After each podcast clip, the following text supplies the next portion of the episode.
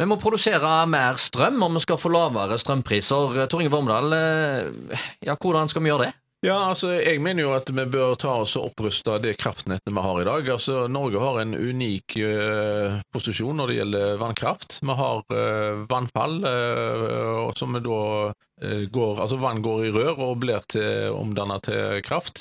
Dette ble gjort for mange år siden, og de trenger opprustning. Men av hensyn til ulike skattepolitiske ting da, så blir det ikke gjort. Da, for du har dette med hjemfallsrettigheter Mm. Eh, de venter på at staten skal overta, og dermed vil de ikke pusse opp kraftverkene og ledninger osv. Det påstås at de kan øke forbedre vår uh, tilgang på elektrisitet med opp i 20% ved å pusse opp disse rørgatene og ledningene og sånt, og gjøre nye teknologiske ting som er kommet, så kan de forbedre dette med vannkraften vesentlig, og mye mer enn det f.eks. de nå snakker om. Eh, bygge ut eh, vindmøller til eh, havs. Da. Jeg tror jo dette vindmøller til havs er et feilspor. Ja. Det er veldig kostbart. og da legger altså når de nå sier at dette vil bli lønnsomt, så er det jo fordi at strømprisen nå ligger på et rekordhøyt nivå. Mm. Men altså det, Forhåpentligvis vil vi jo komme tilbake til mer normale tilstander når det gjelder strømpriser.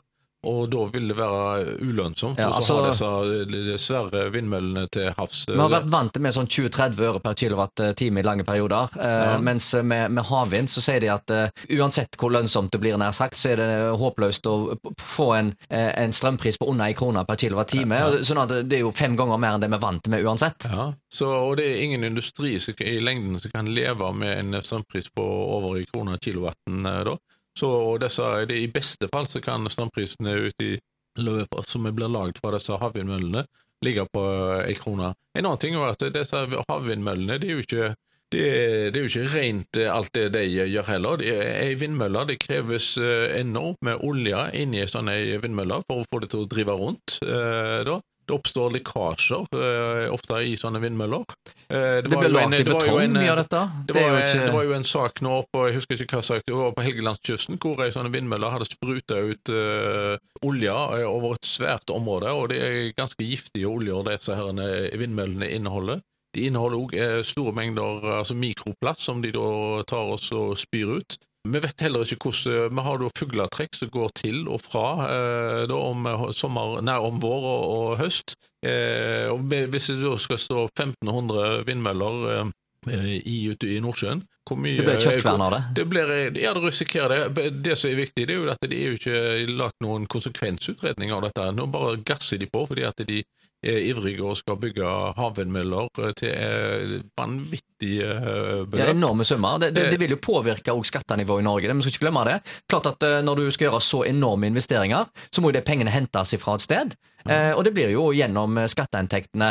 Det betyr jo at skattenivået må opp hvis vi skal betale regningen. Får håpe at de ikke skal belaste oss eh, direkte over skatteseddelen. Nå har vi jo Norge, Det gjør du uansett med strømprisene. Altså, ja, men altså, Norge har enorme eh, inntekter ifra, gjennom oljefond og sånne ting som det, så hvordan det, de skal egentlig finansiere det, det har vi ikke fått vite helt ennå. Men uh, Nei, det burde du gjerne si noe om det. Det burde de jo kunne altså, Vanligvis si i privatøkonomien så er det jo sånn at hvis du skal kjøpe deg et hus eller et eller annet, så vil jo banken vite hvordan du skal eh, betale for dette her, før du ja. får innvilget eventuelt et, et, lån. Men når staten da skal bygge 1500 eh, vindturbiner, så sier de ingenting til banken i gås gåsetegn innbyggerne i landet om hvordan det skal finansieres. Det, hvorfor det? Ja, nei, si det. Du må nesten spørre disse geniene som har funnet på dette, hvordan de har tenkt å gjøre det. Ja. Mm. ja. Og vi skal snakke mer om dette med vannkraft og havvind. Tor Inge Vormedal er med meg igjen i studio om få minutter.